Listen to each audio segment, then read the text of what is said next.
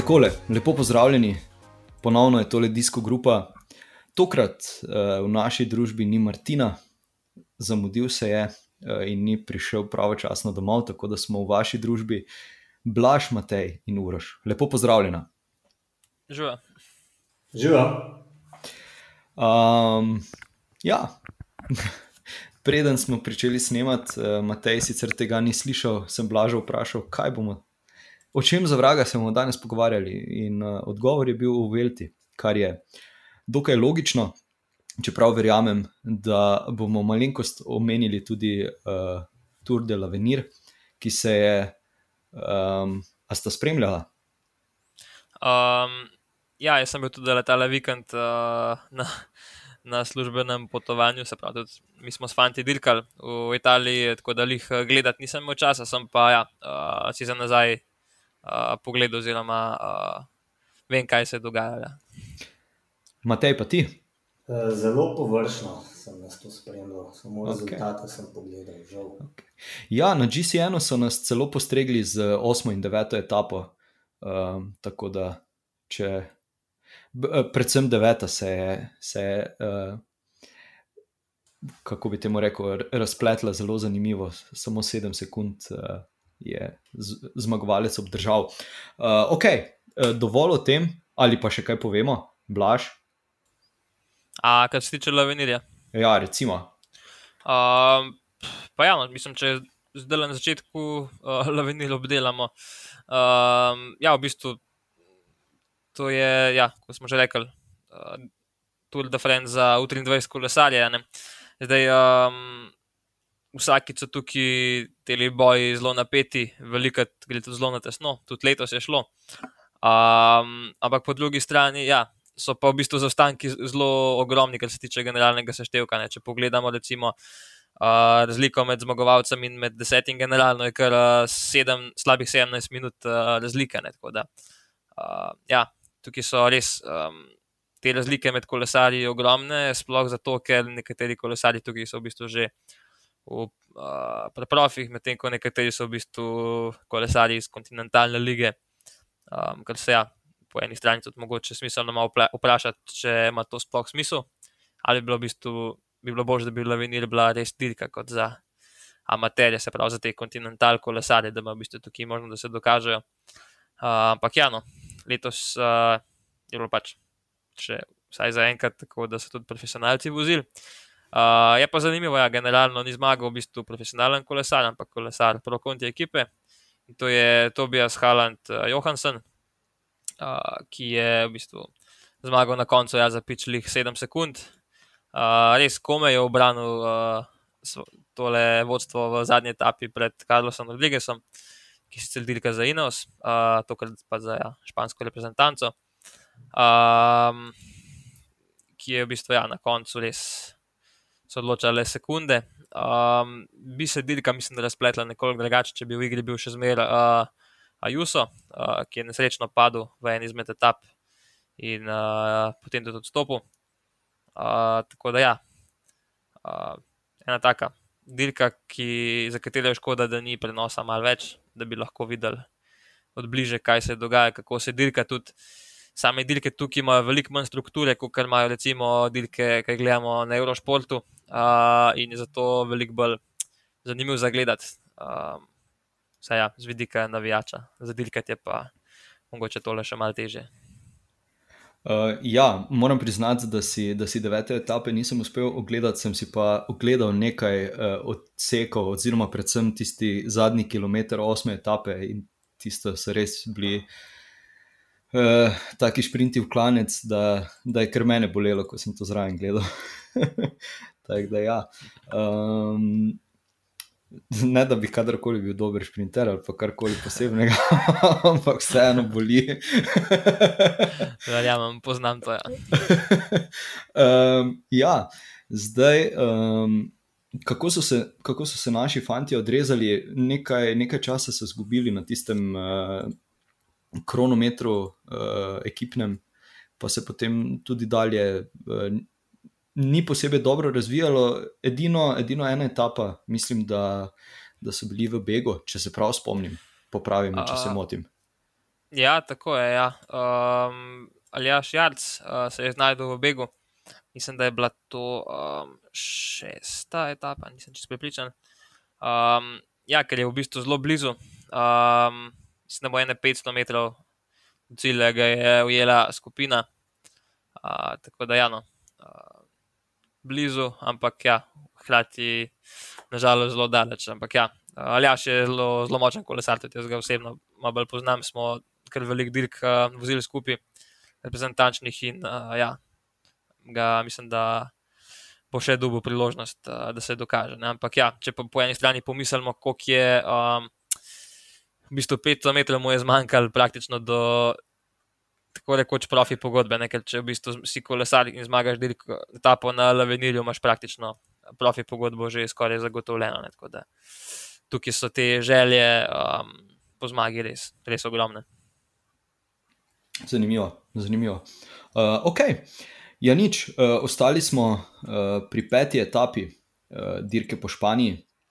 Uh, Medtem smo seveda uvedli tudi eno novost, lahko temu tako rečemo, uh, kjer smo se odločili, da bomo vsak dan napovedali uh, tistega, za katerega sami menimo, da, da bi znal zmagati etapo, oziroma znal stopiti na zmagovalni oder.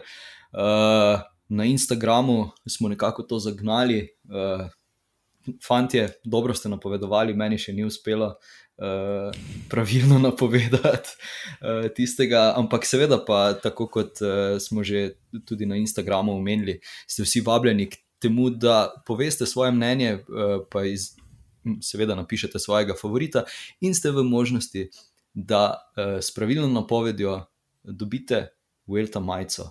Tako da uh, Matej in Blašijo bosta prijela v tem tednu, uh, kakor tudi Martin. Uh, jaz bom še malo počakal na njo. Tako da, ja, uh, predvsem Matejo, mislim, da se je kar uh, tista napoved Magnus Kort Nilsna. Uh, odkot, si, odkot si tisto potegnil, Matej? Ja, to je bila um, strokovna napoved. Dej, tako, dej, tako kot včeraj, kontador, eh, karusata. Ne, dejansko sem dolgo, dolgo kolebo, ko večem zbrati. In on se mi je dejansko zdel najbolj primeren kandidat, ampak seveda to na koncu bila za me to gola sreča, ker seveda jasno je, da mora najprej priti v beg, potem je moral, potem je moral biti beg dovolj močan oziroma glavnina dovolj počasen, da se sploh prišli do konca, ker tudi to ni bilo gotovo. In na koncu je moral še vse iz bega premagati plus ostati pred Primožem Rogličem. Meni se zdaj smešno, že ko sem videl na Pro Cycling Stepsu, da je on v begu, sem se začel krhati. Um, je bil prepričan takrat že, da bo zmagal, glede na to, koga je še imel v, v tej grupi. Ampak po drugi strani mi je bilo pa jasno, da je ta, ta obvežna skupina zelo mehna in da bo težko prišli do konca. In dejansko niso sami prišli do konca, na edin, da je bil pač še to, toliko moči, da je še znesel do cilja pred Rogličem. Na koncu, ja, gola sreča. Čeprav sem se strokovno lotil zadeve, to pa ne priznati. Kolikor sem pač lahko strokoven, jaz ne, da sem si ne razumel. Ja, super, odlično. Um, da se povrnemo nazaj, torej na peto etapo, uh, sprint glavnine, uh, ni zmagal Arno Demar, uh, zmagal je uh, Jasper Philipsen. Na drugem mestu Fabio Jakobsen in na tretjem Alberto Dainese. Um, ja, ni, po eni strani bomo tako rekli, nič presenetljivega, uh, nič, kar ne bi pričakovali, ali pač, blaš, izvoli. Um, ja, no, mislim, da teh paravninskih etap, kot jih je še preostalo, bomo kar gledali, mislim, da te le boje med uh, Philipsenom in Jakobsenom. Um, ampak kljub vsemu upam, da bo ja, še kdo drug vmes prišel. Um, ker uh, bi to vso zadevo naredili še malo bolj zanimivo, da ne bi bilo v bistvu samo te dva skozi zmagovalce etape. Uh, recimo tudi Alberto, uh, Dainese ali pa Molano, ali pa mogoče um, uh, Trentin, če bi imel dober dan, Demar, recimo, uh, bi bilo še bolj zanimivo, če bi se lahko umešal zraven v ta boj. Uh, ampak ja, v bistvu poleg uh, samega sprinta uh, je pa treba umeniti uh, zadeve, ki so se zgodile še par kilometrov prej. Uh, in strelaj, tukaj se je zgodil kar en tak hud padec, uh, kar velik kup se je naredil. Uh, zdaj mislim, da v tej etapi odstopov na srečo ni bilo. Um, je pa tukaj um, rdeča majica ostala zadaj.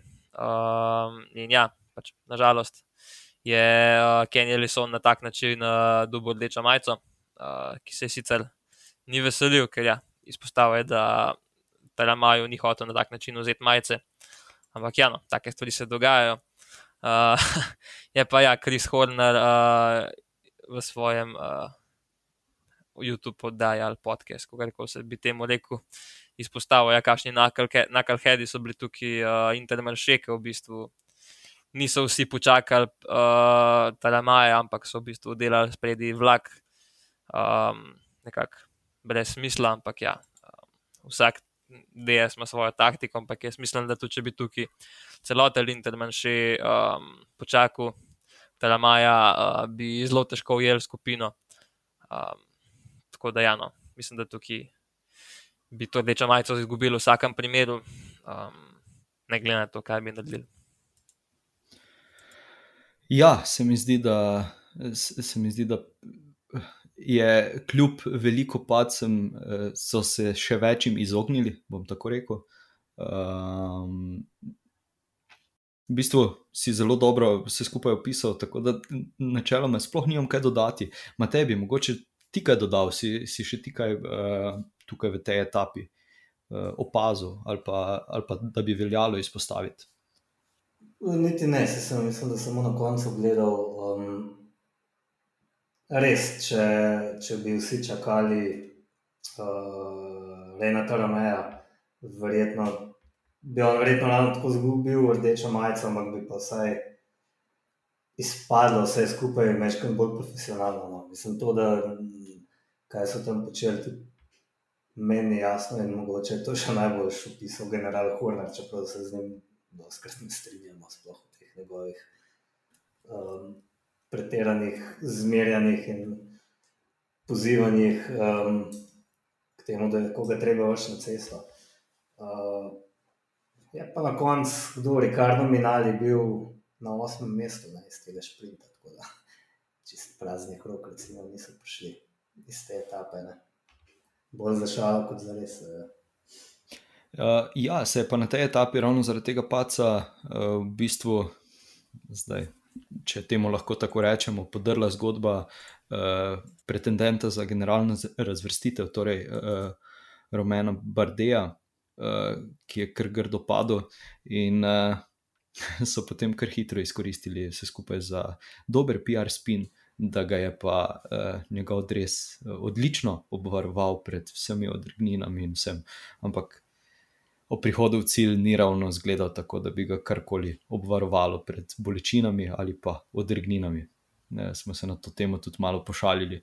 Uh, čeprav, seveda, spacov se ni zašaliti, ampak vseeno uh, je tista izjava, uh, pa zdaj ne vem koga iz uh, ekipe DSM.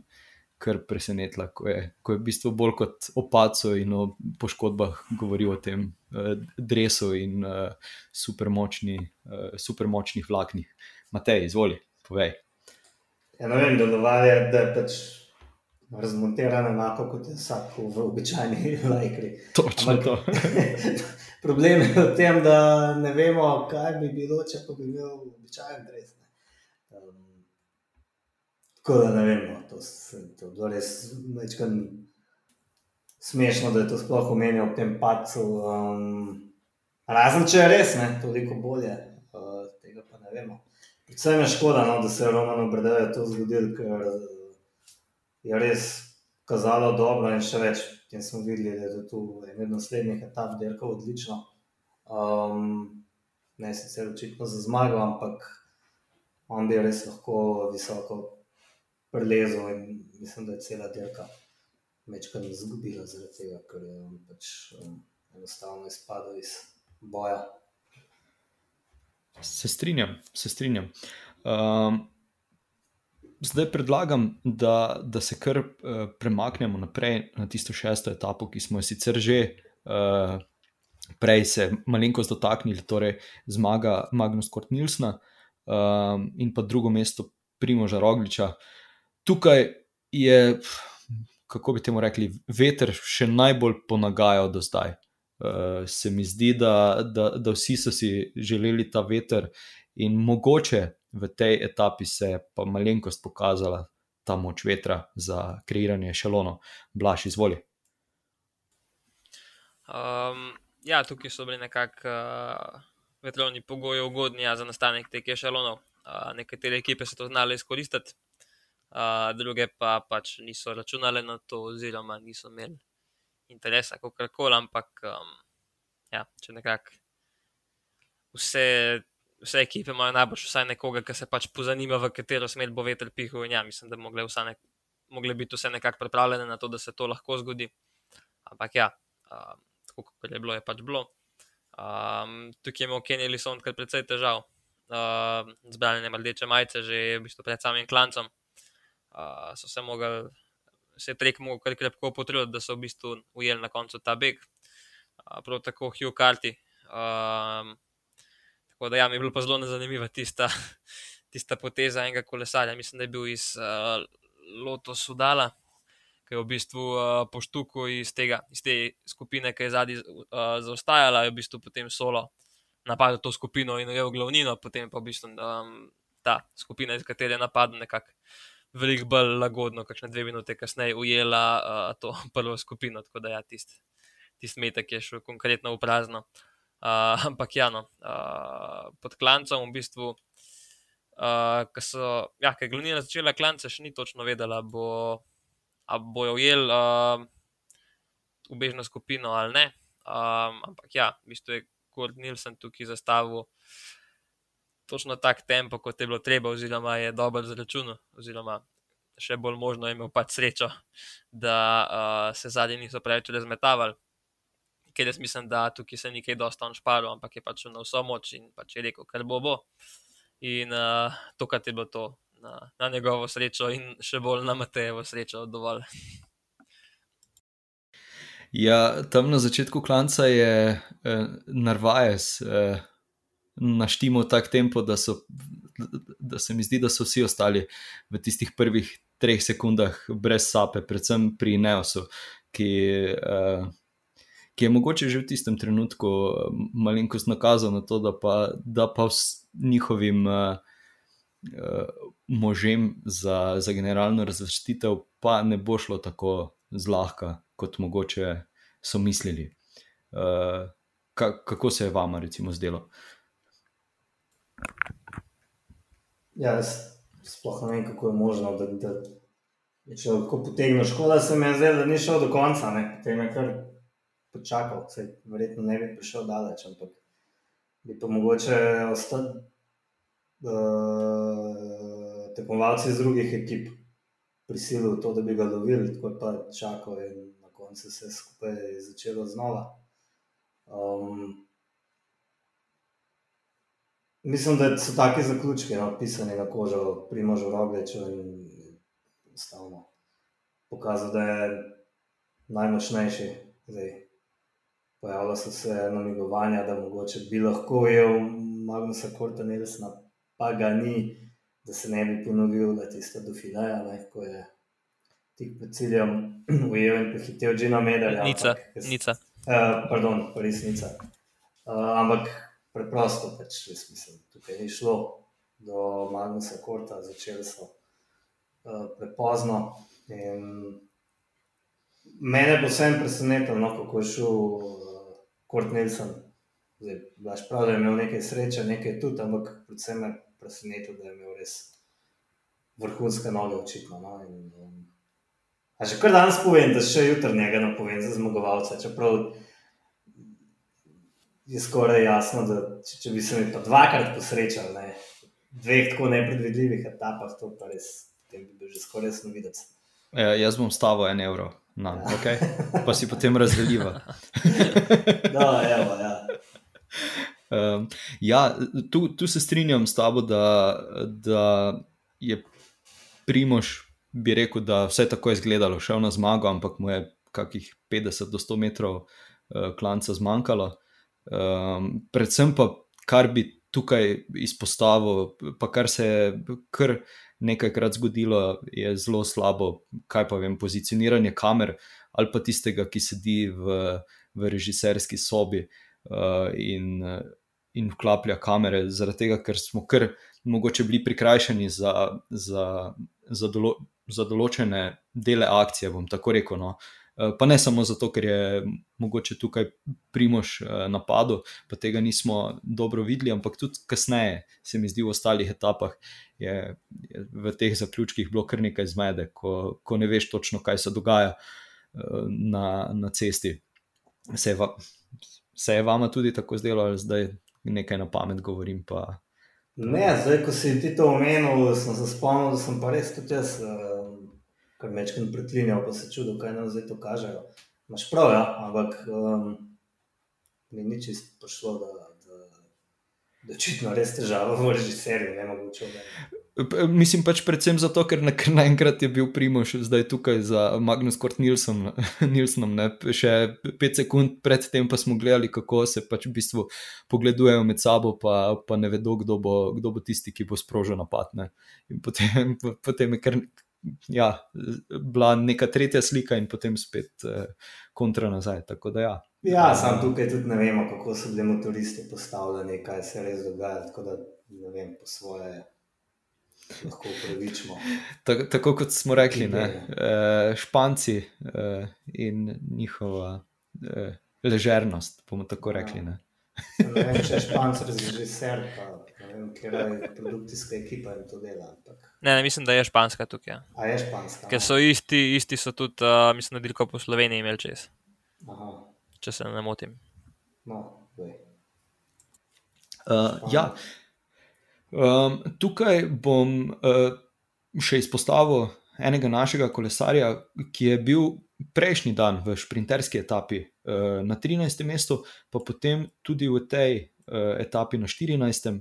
Torej, Jan Polanc, za katerega sicer vemo, da je, da je uh, včeraj, uh, zdaj tole snemamo na dan počitka, uh, zaostal nekaj za, za Damjanom Karuzom in vsemi ostalimi, ampak vseeno se je, se je teh, kaj bomo rekli, uh, prvih sedem, osem etap zelo dobro držal in ima vseeno, bi temu rekel, uh, izmed vseh v UAE, kar najboljšo uvelto, lahko tako nekako zaenkrat pod črto rečemo.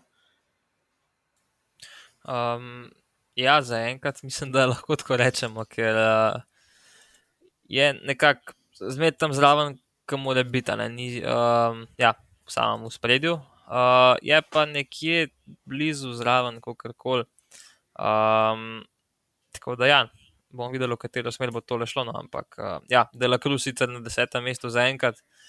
Um, ampak, ja, bomo videli, kakšne načrte ima UAE uh, na te vojti. Ja, ciljajo na top 10 generalno, ali mogoče bojo napadali s kakšnim kolesarjem etapno zmago. Jaz v bistvu to uh, najbolj upam, da se bo kaj takega zgodil. Uh, predvsem, ja, da bi mogoče se polanci tudi poklopili, pa da bi tisto dnevno formo ujel zelo dobro, pa da bi mu uspel to etapo zmagati. Uh, ker ja, li, mislim, da lik danes ja, smo lahko brali, da je podaljšal pogodbo še za en let. Um, tako da ja mislim, da zdaj nekako bo šel vse en malo bolj milno naprej, pa uh, mogoče ta sproščenost bo tudi pripomogla k temu, da, da bo lažje rezultat naredil. Definitivno, ravno na to sem želel uh, uh, narajmati. Bom tako rekel. Uh, torej, to, kar smo se spraševali zadnjih nekaj tednov, se je danes uh, obelodanilo. Torej, UAE je podaljšal z njim pogodbo še za eno leto, tako da glede tega ne, ne rabi več skrbeti. In ja, kot si rekel, tudi jaz ga pričakujem, uh, da, bo, da bo na eni od etap uh, tisti, ki bo, ki bo na zmagovalnem modru. Kaj pa ti, Matej, ga pričakuješ?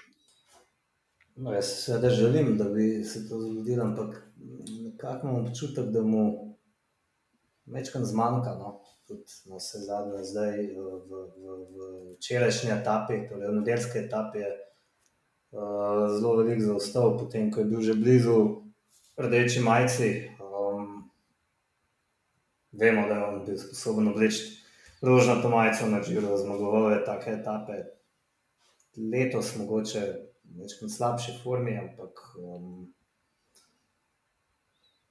ja, pač vojete še dolgo in mislim, da tudi v tem tednu bi recimo mogoče lahko imel kakšno možnost um, za pobeg. Na vse zadnje je to, da zdaj že kar precej zaostaja za zmagovalcem, tudi uh, vode na njegov mlin, če, če želi iti v beg in zmagati iz pobega. Um, zdaj zaostaja, mislim, da 7 minut in 40 sekund za Rogličem.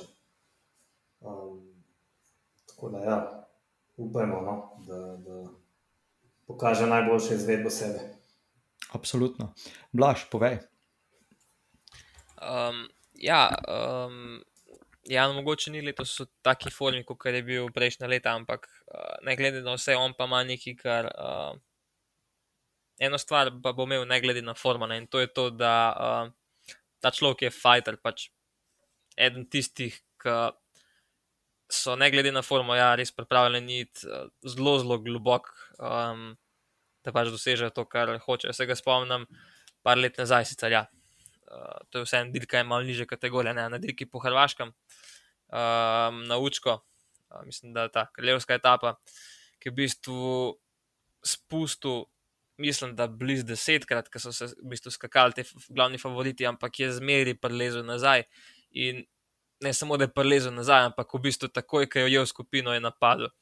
Uh, in potem spet spustil, spet ujel, spet napadel. Um, in ja, ta borben slog uh, vožnje njemu zelo odgovarja. Um, in ja, v bistvu, če se ti zjutraj nekako zbudiš, tisto, ja, kot sem rekel, dobro dnevno formo.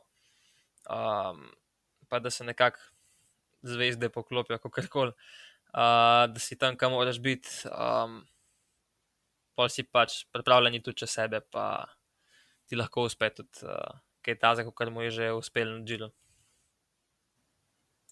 Ja, zdaj da še omenil to, da je fighter in m, mm, treba pozoriti tudi na to, da je v tej sedmi etapi, kjer je imel že virtualno rdečo majico oblečeno, ne, da ne pozabimo, zdaj sem preskočil na sedmo etapo. Um, je on že odpadel, pa se potem kar nalepam. Pojavil zraven. Če ni vedel, kako pojavil spet zraven in bil spet nekako v boju za, za rdečo, pa smo ga praktično že odpisali. Tako da ja, nekaj je na tem, da je človek, ki bo grizel do, do smrti, ne praktično. Uh, ja, super, da si, da si mogoče že kar uh, skočil na sedmo etapo, uh, kaj ti v tej sedmi etapi bi se pa mogoče, če ne bi bilo paca Alejandra Valverdeja, kar drugače razpletla. Predvsem sem mnenja, da Bek ne bi imel nobenih šans. Se motim, imam prav, kaj vidva menica. Ja, vprašanje, kakšne plane ima tukaj Movistar. Uh, ampak ja, ne glede na vse, no, meni je tam res kar stisnili, ker sem tisto videl. Um, pa sem šel še gledati, so eni od eni navijači snemali, v bistvu so šli pogledati ta mesto, paca, kjer je Valverde šel po tleh. In um, on se je dejansko ustavil, mislim, da par centimetrov pred uh, tako hudo pečino po skalah dol. Um, tako da ne glede na vse to, da je on z te dirke odstopil, mislim, da je to še najmanjši problem, ki bi se mu tukaj lahko zgodil. Uh, tako da, ja, no, ne glede na vse, da, to, to, da se je na kolo usedel, um, tudi če je pol odstopil, pač pomeni, da je še zmeraj. Da niso poškodbe prehude, um, ne glede na vse, ker bi se vse skupaj lahko veliko slabše končali. Um, ja, kar pa se tiče samega poteka etape. Um, ja, en tak, kar uh, perspektiven bek je bil tukaj že, um, kar hitro so se odpeljali, uh, zraven tudi ja, Jan Polanc. Uh, in ja, lih, uh, tukaj imate omenjeno, uh, da je v bistvu Jan že spustil, pa se je potem spet pojavil zraven. Zaradi tega sem se spomnil tisto dirko po Hrvaškoj, uh, kako je takrat vozil. Um, tako da ja, v bistvu um, v samem finišu sem od uh, Karlosa Verone malo več pričakoval, uh, ker mislim, da če bi skupaj s Torelem prišla 200 metrov do cilja, bi bil Verona močnejši. Um, ampak tudi Storer je to vedel in je to nekako uh, izkoristil to napad od malo daleč. Mislim, da tam 3 km uh, je odpeljal solo na koncu in ja, se veselil. Uh, definitivno največje zmage v karieri. Uh, ja. pač, Zmeraj je lepo, da en tak outsider zmaga, vsaj meni. Se strinjam. Uh, predvsem, zdaj bom se sicer vrnil malo nazaj, je tam uh, prišel iz uh, tiste pečine ali pa na rob ceste uh, Alejandro cel prebledel, kar je logično, ker mislim, da smo tudi vsi pred televizorjem uh, kar debelo pogledali, kaj se je zgodilo. Zdaj uh, sta, sta mogoče se spustila kaj, oziroma pogledala kakšen video uh, njegovega paca. Tu, tu pač uh, bi mogoče vseeno, kljub izkušnjam, lahko rekli, da je pa naredil eno napako, da, da se je v bistvu. Uh, zdaj pomagajte mi pri slovenskem izrazu, ampak uh, roke je imel torej on the hoods, uh, čeprav bi, bi jih mogel imeti na dropih, ne? torej na tistem spodnjem delu uh, krmila, imel jih je na zgornjem in mu je roka, vse tako zgleda na videu, zdrsnila. Blaž, izvoli, povej. Um, ja, jaz sem si ta posnetek pogledal, kar je na parkrat, pa v bistvu nisem točen mogel ugotoviti, kaj je bilo. Um, zdaj, dejstvo je, da je ta Wing prišel malo prehiter, oziroma malo po napačni liniji, in zato se je pač zgodil, kar se je zgodilo. Ker dejstvo je, koliko, je do, koliko kilometrov ima vojeta, mislim, da okoli 3000, še malo več. Um, pač v teh 3000 km ne moreš vsakega Winga poznati, to je dejstvo. In um, ja, mogoče je malo precejno. Uh, tudi Wing je v bistvu tak. Uh, Ko v bistvu že misliš, da ga je konec, ga še malo zalomi, taki so ponavadi najbolj nevarni. In uh, ja, tudi tako strmaček, kot je Valverde, uh, tukaj nažalost uh, se je malo uštev. Um, ampak ja, kot smo rekli, važno, da, da je šel peš domov in ne na nosilih. Absolutno. Matej, povej, izvoli. Sem bil, ker sem jaz videl nekaj povoza, ne, neko razpoko, nekaj in um, ne vem, to so take stvari, ki se ne, v desetih poskusih enkrat rešiš, ne, devetkrat pa običajno ne. In, um, ne vem, težko bi rekel, da je kakšno napako naredil. Pač, ne, da je to smolo in uh, potem smolo, da se ni uspel rešiti. Um, ja, meni, meni je tudi, kar še zdaj, ker malo smoku v grlu, ker Zdaj, nikomu ne prvoščaš, njemu pa sploh, mislim, pa domača derka. Pa... In še dobro je šlo. No? Jaz bi rekel, da je Movie Star, kljub temu, da jih imamo vedno v zobeh, nekako tradicionalno, letos derka zelo dobro, oziroma tako atraktivno. Tudi s to potezo so v bistvu odprli derko in pritisnili na Primoža Rogliča, tako kot bi mogoče to pričakovali v večjih etapah, pa se ne zgodi. Predvsem tukaj imamo v mislih imamo zgoraj na del, da dirkajo še vedno precej konzervativno, medtem ko primovi stvari pa vsaj poskušajo. Ne? Čeprav so včasih te njihove poteze nerazumljive, mi je všeč, da dirkajo s tem temperamentom, pa um, mogoče ne toliko po pameti kot se to pričakuje od teh anglosaksonskih ekip, ker dirkajo mnogo bolj preračunljivo in ja, boh pomaga dolgočasno. S tem, da so imeli na drugem, tretjem in četrtem mestu še v tej etapi um, svoje kolesarje, pomeni po eni strani, da so izredno močni, po drugi strani, da so imeli zelo veliko možnosti, da z razno razne taktične poteze, kdorkoli od njih bi šel v beg, bi moral Roglič za njim in moral biti sam. Um, če se mogoče lahko vprašamo, kaj je počel vse kus v begu, tako relativno daleč spredaj. Um, verjetno najmočnejši pomočnik, ampak um, ja, tako so se pač odločili, da je kus bil v spredju. Nekaj časa mislim, da je bil tudi vse moment v spredju, pa so ga potem potegnili nazaj. Um, imel vse kakšnega pomočnika več. No imaš kaj več. Um, ja, tudi, tudi jaz sem danes uh, čez dan razmišljal ravno o tem, da, da v bistvu Movistar, tako kot si rekel, ga imamo veliko krat v zobeh, eh, veliko krat se sprašujemo o, njih, o njihovih taktikah, ampak na tej Welti pa dejansko delajo zanimivo dirko, ki je pač ostali uh, več kot očitno uh, ne morejo začiniti. In zdaj, ko so. Ko bi dejansko uh, naredili dirko, dirko, pa se mi je zgodila ta uh, neljuba nesreča, ki jih je potem absolutno ustavila, ne, oziroma je ustavila po eni strani celoten peloton v tistem trenutku. Matej, izvoli. Ja, poleg tega, da je všečno derkajo, se pravi, atraktivno je, mislim, da tukaj najbolj pomembno to, da imajo dejansko odlično kolesarje, oziroma zdaj ostale še dva, Enrik Mas in Miguel Angel Lopez. Um, predvsem Enrik Mas, imam občutek, da je kar ena, se kot senca drži primoža Rogliča. Um, s tem hočem povedati, da ima Movistar nekaj, česar ne zaenkrat ni pokazal, to pa je zelo močne posameznike, ki so dva si dejansko zaslužila, da sta drugi in tretji, medtem ko pri eni ne vem, imam občutek, da jim kar nekaj manjka spet. Pa ne samo taktike, ker resnici na ljubo, ogromno se govori o taktike, ampak kako, kako premagati nekoga, ki je toliko močnejši od ostalih, kot je očitno spet Primoš Roglič, pa kot je bil na turu tedaj pogača. Lahko na živo in mrtvo debatiramo o taktiki, ampak na koncu zmaga običajno najmočnejši kolesar.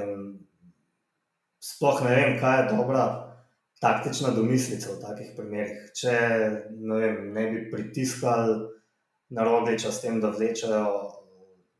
Že daleč prej se začne etapa razpletati, bi rekel, da niso ničesar poskusili, da dirkajo defenzivno in samo čakajo na napake. Če odreagirajo s takimi, mogoče na vidi, malo neumnimi etapami, jih imamo spet v zobeh. Um, tako da ne vem, no, težko se zvlečeš z nekimi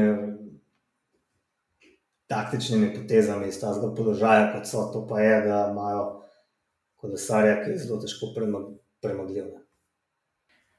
Um, ja, predvsem to, kar si rekel, da v bistvu moraš prvo kot prvo imeti nekoga, ki, ki lahko parira tistemu, ki se ga želi premagati, zaradi tega, ker pač na koncu vseeno um, mora biti močan. To, kar se, to, kar se je dogajalo na, na, na nedeljski etapi, kjer so v bistvu z narekovanjem tempa bolj kot ne uh, trošili sebe. Uh, Bolj kot vse ostale, in potem na koncu, ko se jim tudi ni šlo, ok, nekaj so poskušali, ampak pač dejansko nimajo nekega, nekega orožja ali pa odgovora na to, da, da bi nekdo pač v tem primeru uh, stresu primoža. Še vedno pa seveda je treba podariti, kot si že prej ti podaril, da Vuelta je še dolga, še dva tedna nas čakata in predvsem tisti tretji teden je en slab trenutek, uh, pa, pa, pa se lahko vse stvari v bistvu obrnejo čisto, čisto na glavo. Uh, ok, sicer tja še ne bomo šli, ampak uh, ja, treba je, treba je vzeti to za kup, da, da sicer nastajajo razlike, ampak uh, v, v eni etapi je lahko prva deseterica čisto, čisto pomešana. Tako da, tako da ja, tudi na to je treba pomisliti. Um, nismo pa še omenili Bahrajn Viktorijusa, opala, uh, Bahrajn Viktorijusa, ki pa nekako se mogoče, bom tako rekel, tudi med seboj ne more zmeniti, kaj točno, kaj točno bodo počeli. Uh, ok, Damjano Karuso je vknjižil etapno zmago, ampak uh, Mikel Landa uh, ne kaže takšne forme, kot je kazal na Džiru. Um, ja, kaj bi vidva rekla? Um, ja, Lih to meni skrbi, da je v bistvu Landa bo zelo težko prišel v tako formo, kot je bil takrat na Džiru, pred tistim pacem, ki mu je zelo dobro kazali. Uh, ja, me skrbi, da je bila tista, tisti Džiro njegova edina možnost, da dejansko zmaga Grand Tour. Uh, oziroma, da pride res blizu, ker uh, mislim, da bo šlo zdaj veliko težje, pa tudi. Um, ne glede, ne glede na konkurenco, tudi on ni uh, čista prav po tem, kar smo videli. Uh, Medtem ko se Jack Hake zelo dobro pele, uh, generalno je četrti, ampak njegove trditve so, da je še zmeraj Landa kapetan. Um, ampak jaz uh, ne vem, kako bo oni to izvedeli, ker Landa je že slabih šest minut zadnji, um, medtem ko je v bistvu tudi Gino Meder še na 12. mestu. Uh, tako da, ja, me zanima, na kakšen način se bo to lotila. Bo probal, ne vem, z Lando s kakšnim napadom v daleč, um, pa bo šel hejk na generalno, ker tudi vemo, na Turu je bil mišljen tam kot kapetan, pa potem uh, nažalost odstopil. Uh, tako da, ja, mogoče ima tudi on tukaj šanso, da se dokaže kot kapetan. Bomo videli.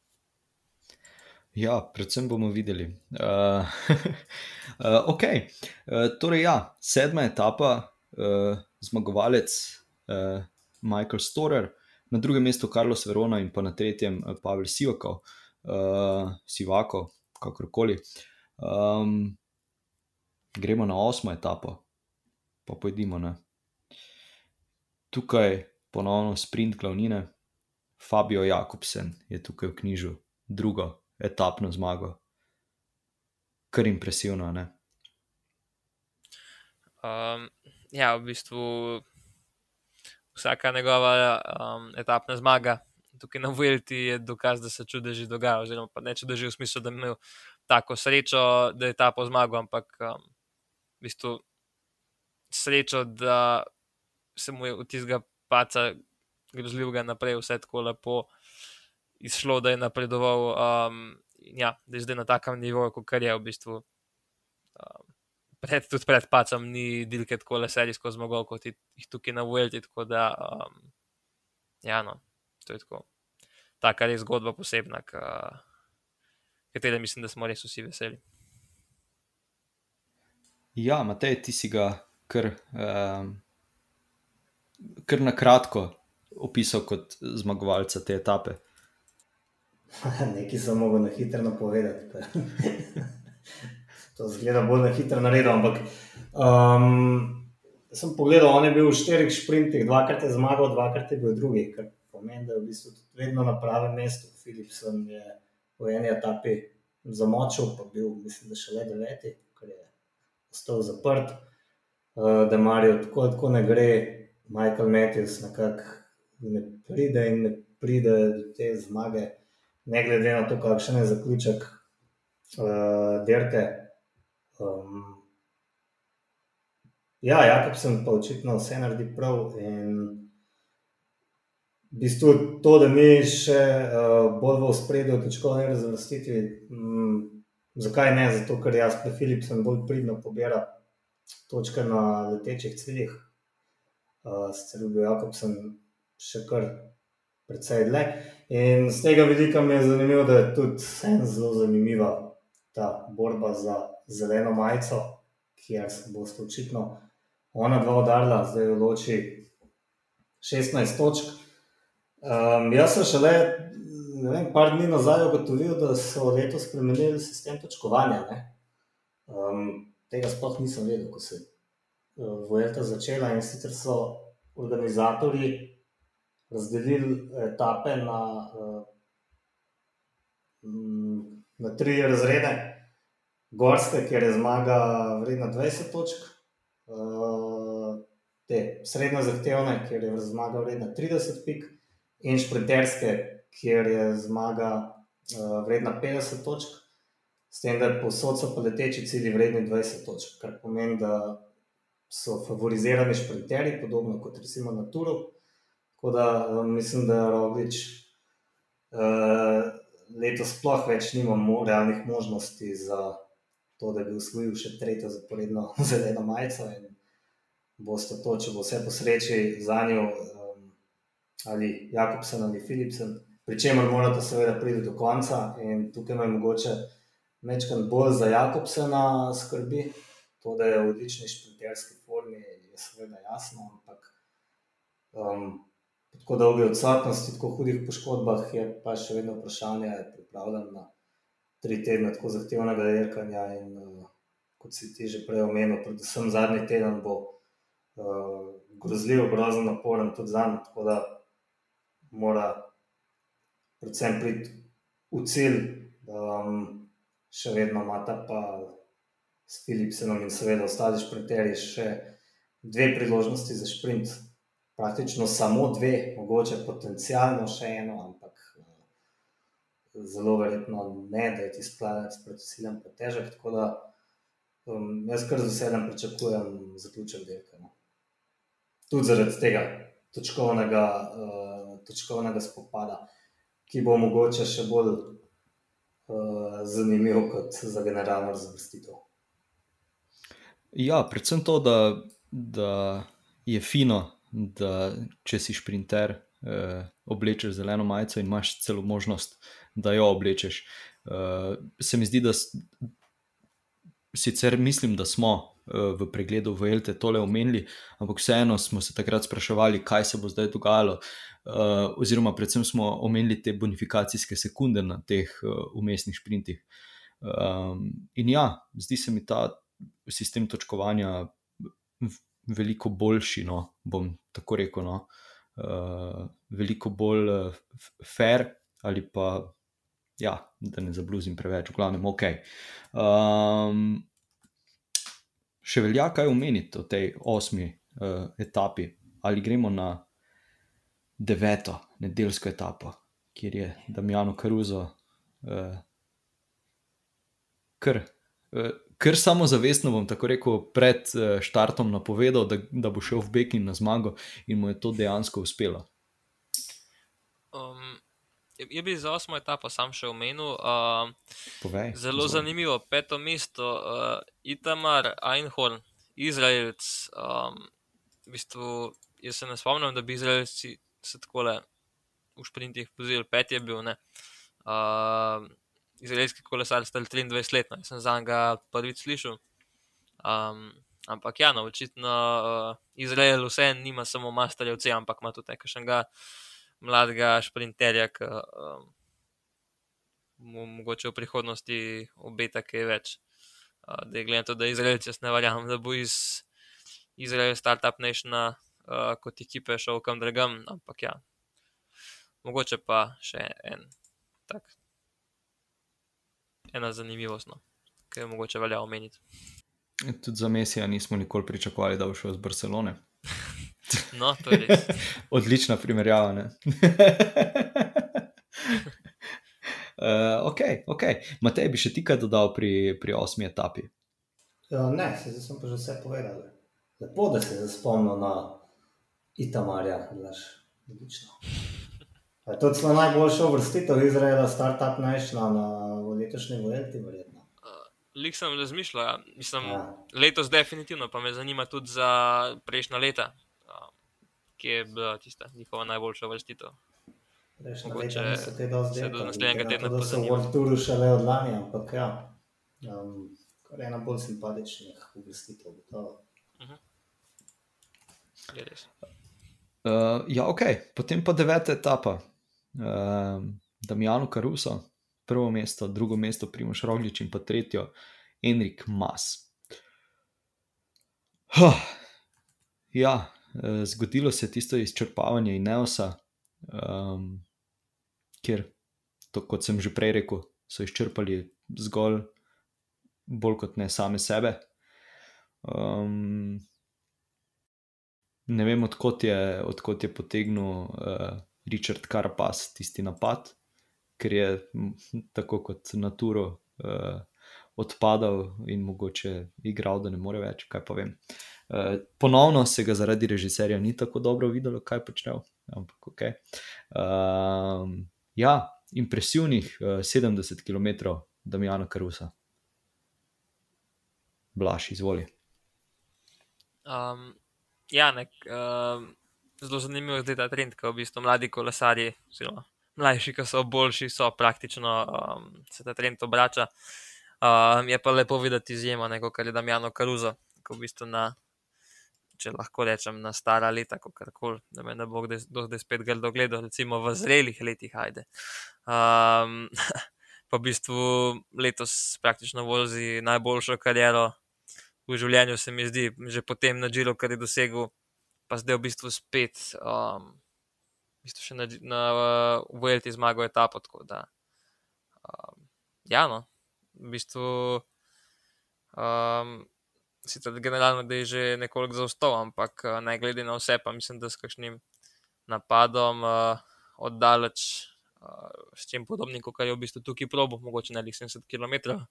Ampak kaj podobnega mu pa lahko definitivno še uspe, razen če se bo zdaj res podredil uh, Heigu ali Landi, uh, kako se bojo zmenili, uh, pa v bistvu odličen pomočnik, uh, ne glede na vse.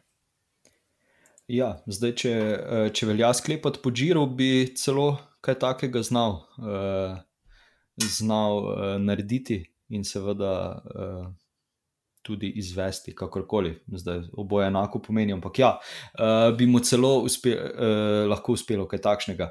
Um, zdaj tu ne vem, kaj, kaj je mogoče tukaj mislijo Jumbo Visma. Uh, Ineos je kaj pripeljal beg na minuto in pol, tistem, na tisto najmanjšo razliko. Potem je prevzela vajeti uh, Jumbo Visma, ki je Damjana Karuza, mislim, da spustila na skoraj da pet minut. Um, zdaj, če je, če je tukaj Primož želel etapno zmago ali ne, potem so nekaj fejst uh, zafrknili uh, v tistem nadziranju pelotona. Uh, kaj, kako, kako se je vam zdelo, blaš, izvoli? Um, ja, v bistvu me zanima, ja, koliko um, ima primoš uh, interesa zdaj po teh etapnih zmagah. Uh, seveda, ja, brano se jih ne bi, ne se, se jih noben ne bi, ampak um, njegovi cilji so vseeno uh, nekoliko večji, kot kar uh, zmagati posamezne etape.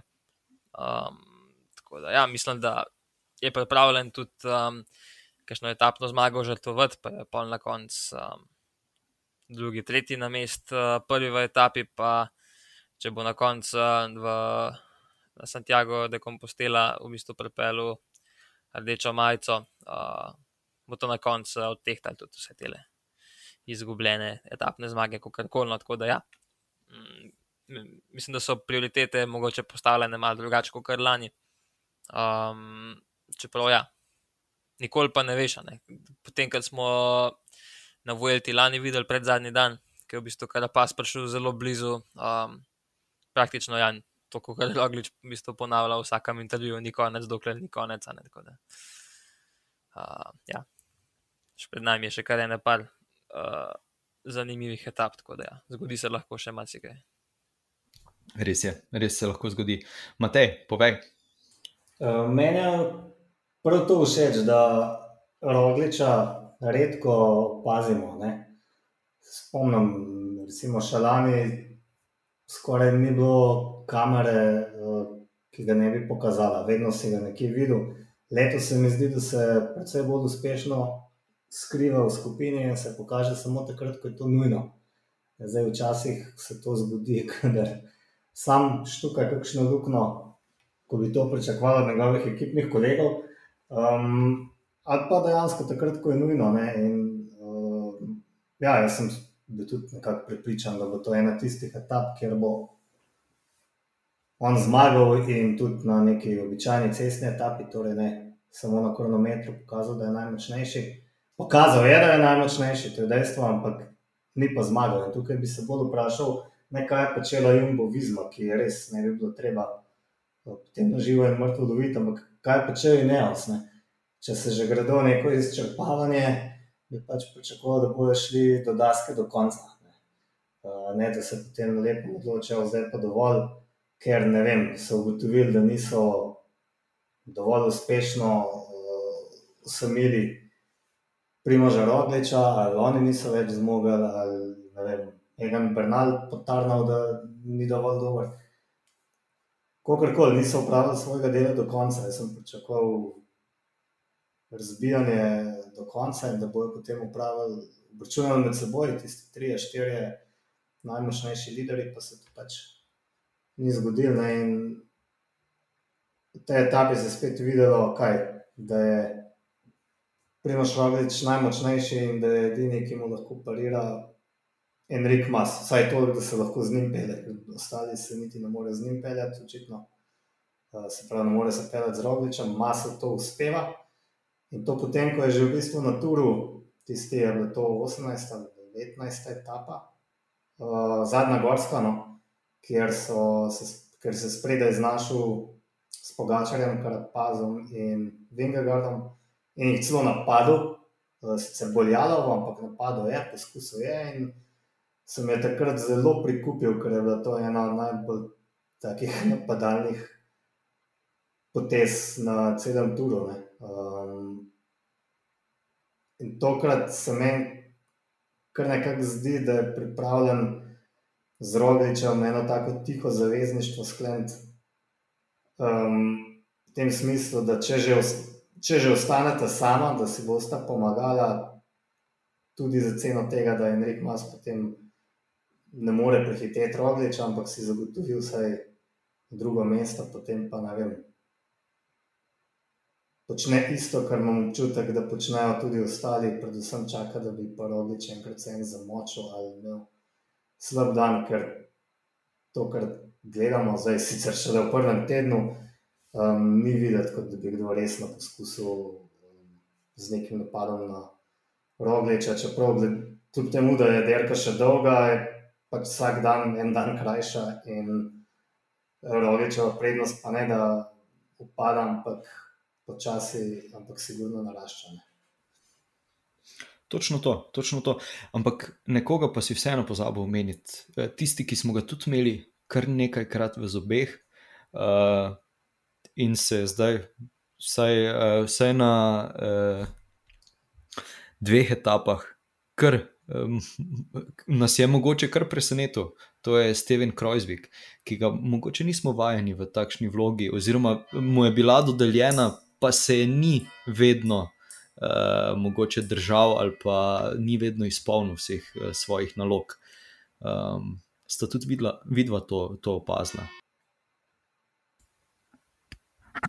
Um, ja, um, ne, ne vem, mogoče pa tudi, um, da je v tem krojstvu smo že kar veliko debatirali, pa v bistvu nismo prišli do nekega zaključka, pač ti dejansko ne more. Ali bi pa, ali lahko pa noče. Um, to je zdaj vprašanje. Ampak uh, ja, po tem, kar je zaenkrat tu pokazal, mislim, da lahko rečemo, da je bilo kar zadovoljivo. No? Um, ja, tudi uh, Sep Kus je sicer še osmi generalno zaenkrat, ampak ja, mislim, da to ne bojo lih, um, lih prioriteta v Jombovizmi.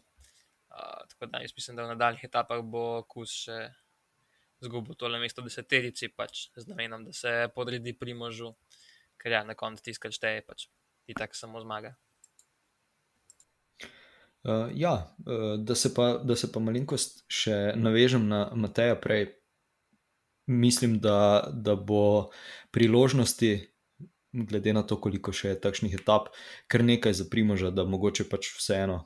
Uh, Zdaj, če so te statistike, vem, Matej, da obožuješ te statistike, uh, pa ne vem, če sem jo pravilno prebral ali si jo pravilno zapomnil, ampak boj, da, da Primoš še nima, uh, nima uknjižene etapne zmage v majici uh, vodilnega na dirki. Pa ne vem, če je to pravilen podatek ali ne. Uh, Mislim, predvsem, uh, in kaj potem. Razen tega, da na sliki mogoče majčka ne bi zgleda, ne vem, res, pa kaj potem. Ne? Ma, se, stri, se strinjam, ampak pač. Rdeče uh. majice iz Madrida, z nekaj. Sam še sreča, mislim, sam še nekaj sreče mora imeti, da mu bo uspelo še tretjo obleči tam pred katedralo v Santiago. In, um, ja, boh pomaga. Mislim pa, da bo no še letos kakšno etapo cestno dobil v majici, rdeče, v rdeči majici. No, tako da se ni zabavati. E, in bo obkljukal tudi to statistiko. Haha. Tako in si obesil ja. fotografijo. Blaž, povej. Um, ja, pač kako je imate rekel, ne se kaj pa pol, tudi na zmago rdeči majici, ampak ja, mi je bil pa zanimiv. Recimo na TD-ju pa je bil na turu kar en tak pritisk, pač, da ga še nikoli ni zmagal v rumeni majici. Um, pač go, tudi mediji, navijači so govorili v stilu, da kao, to, to mora pa pač tako vsak narediti.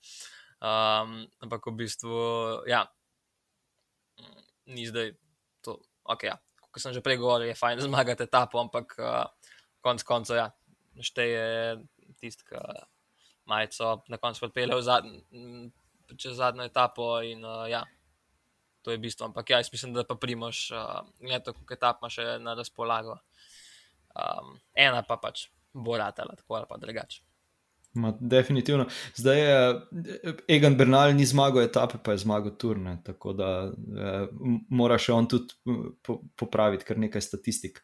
No, vse je pa... prosto, meni se ja. zdi, da bo to ena taka lepotna napaka, če zmagaš etapno dirko brez etapne zmage. To pa je, po mojem mnenju, malo. Redo, še vedno si zmagal etapno zmago, ampak res ni lepa, no? ni, ni tako lepa bi bila, če bi vsaj enkrat, če po poti roke lahko dvignil zrak. Tako je. Tako je. Uh, se pa strinjam, da je, da je, na, da je na turu bila, uh, bil nek pritisk na TD-ja, da češ, to pa je res treba storiti. Ampak, kot smo že večkrat rekli, tudi za bekne, lažje je reči, kot dejansko potem to uresničiti, ker je cesta vseeno bolj, uh, bom tako uh, poetičen, neizprostna.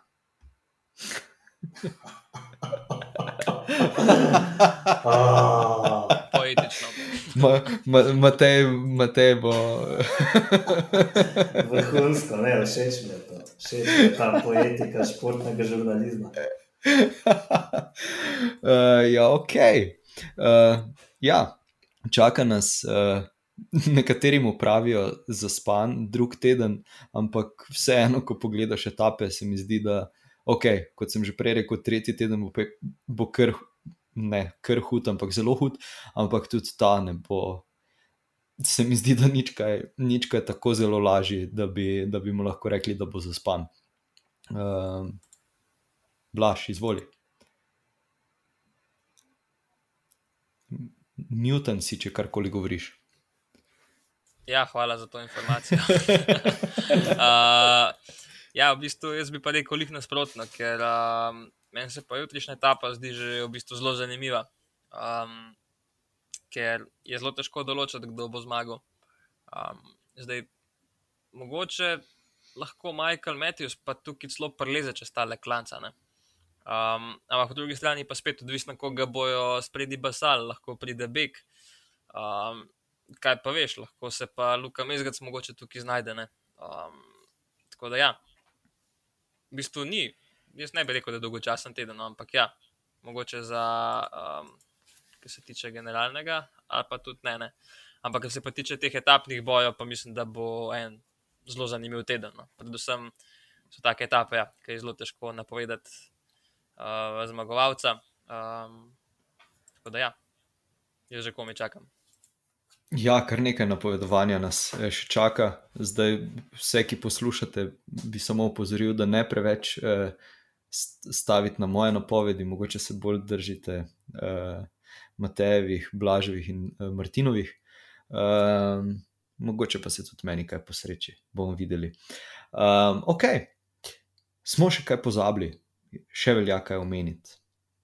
Je še kaj takšnega. Ali gremo na Matejevo najljubšo rubriko, torej ta eh, zanimiva vprašanja, trivija vprašanja. Žal sem jaz eh, pripravil trivija vprašanja, um, odložil na zadnji trenutek, potem se je pa izkazalo, da je ta zadnji trenutek prišel um, prepozno in mi nekako ni uspel zadeve pripraviti. Zadnji Se... trenutek je prišel prehitro. Ne? Prehitro. No.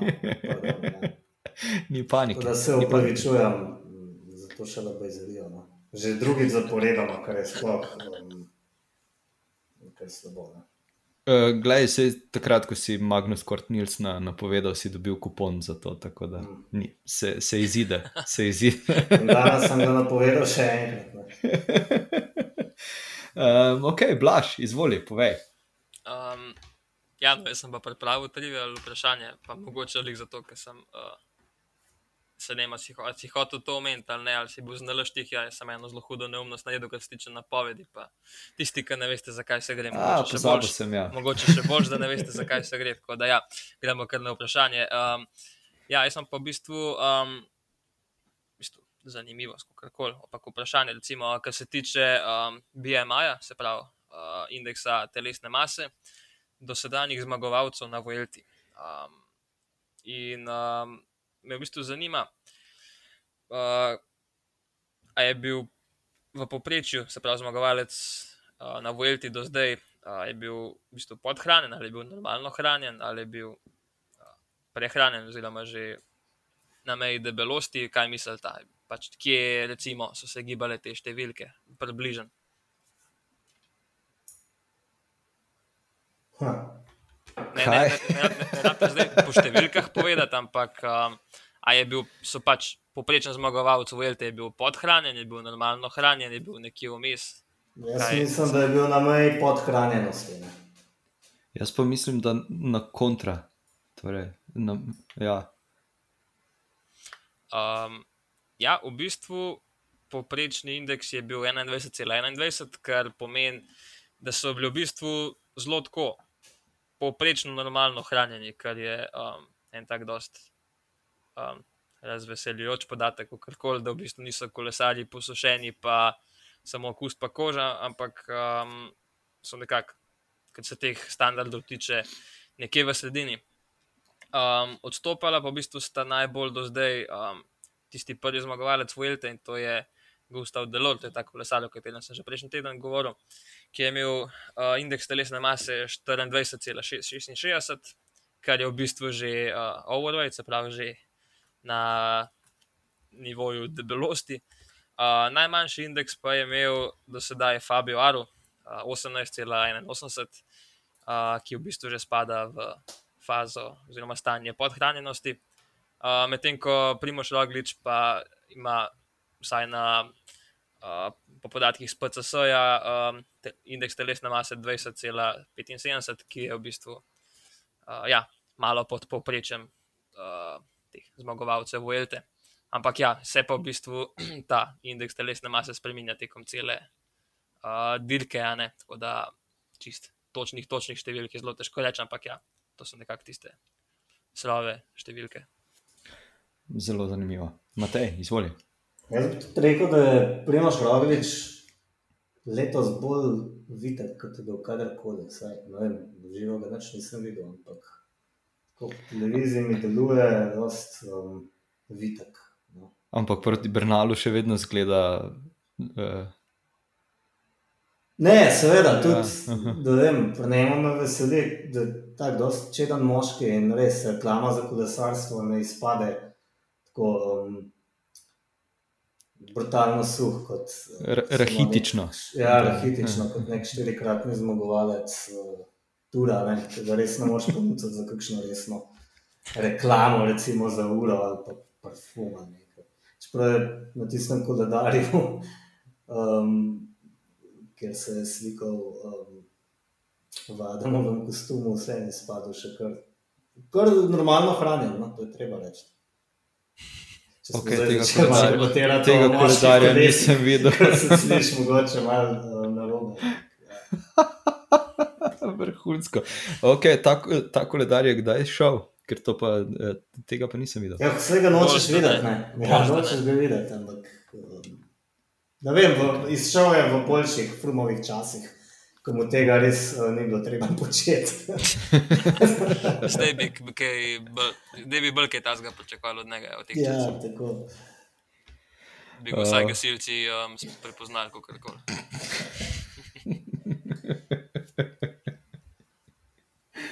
Uh, ok, dobro, dobro. Jaz sem pripravil, zdaj, Matej, kateri letnik si ti točno? 83. 83, ok, potem je bilo eno leto kasneje. Uh, torej, takrat se je zgodila po bistvu najmanjša razlika med uh, prvim, prvo vrščenim in drugo vrščenim. Uh, prvo vrščen je bil Erik Carito uh, proti Albertu Fernandesu. In torej leta š- 1984, pa me zanima, koliko eh, sekund je znašala ta razlika. Mogoče veste. Osem. Ok, Matej. Pojma nisem imel, ampak sem zdaj mirno si šel pogledat na Pro Cycling Stats, da vem, ampak ne bi uganil. no. Ok, uh, bila je 6 sekund, tako da uh, zdaj, glede na to, da je, da je med uh, Primožem in Enrikom Masom trenutno 28 sekund ali 29, 28. Uh, ja, zelo mala razlika, ampak vseeno, dva tedna nas še čakata. Uh, bomo videli, kako se bo. Kako se bo vse skupaj razpletlo. Mislim, da lahko Enrik Mas približa na manj kot 6 sekund, hočeš reči. Ja, vse stvari so možne. Vse stvari so možne. Ja. Eh, Sploh, ko pogledaš tiste klance v tretjem tednu, so res uh, divja Ja. liga. Ja, ampak klanci, recimo, pa ne, ne smemo pozabiti na zadnjo etapo. Ne? Ok, to definitivno. To, to pa je tista stvar, ki, ki bo tudi poskrbela za velike razlike, bomo tako še rekli. Po moje. Uh, ja, pred zadnjo etapo mislim, da mora imeti nekdo kar dve minuti prednosti pred Primožem Rogličem, da lahko resno računa na to, da obleče rdečo tudi po zadnji etapi. Tako da ne vem, kaj bi se pa moralo za to zgoditi, je ena res um, stvar, ki se je ne želimo videti. No. Def, ja, točno to. Točno to. Um, ok, zdaj um, bomo uh, rekli, to je to za danes in se slišimo ponovno prihodnji teden, ali pa mogoče vmes, če se, če se zgodi kaj nepredvidenega. um, bom rekel tako, še vedno spremljajte uh, Instagram, kjer uh, se lahko tudi sami vključite in napoveste vašega zmagovalca etape mi bomo pridno to počeli vsak dan. Uh, nekateri uh, pridno napovedovali zmagovalce, nekateri pridno sekali mimo. Um, ja, uh, to pa je, mislim, da to za danes. Je res. Je. Ok, V redu. ok. Um, lepo bodite in se slišimo. Čau, čau, dio. Živijo. Adijo, čau.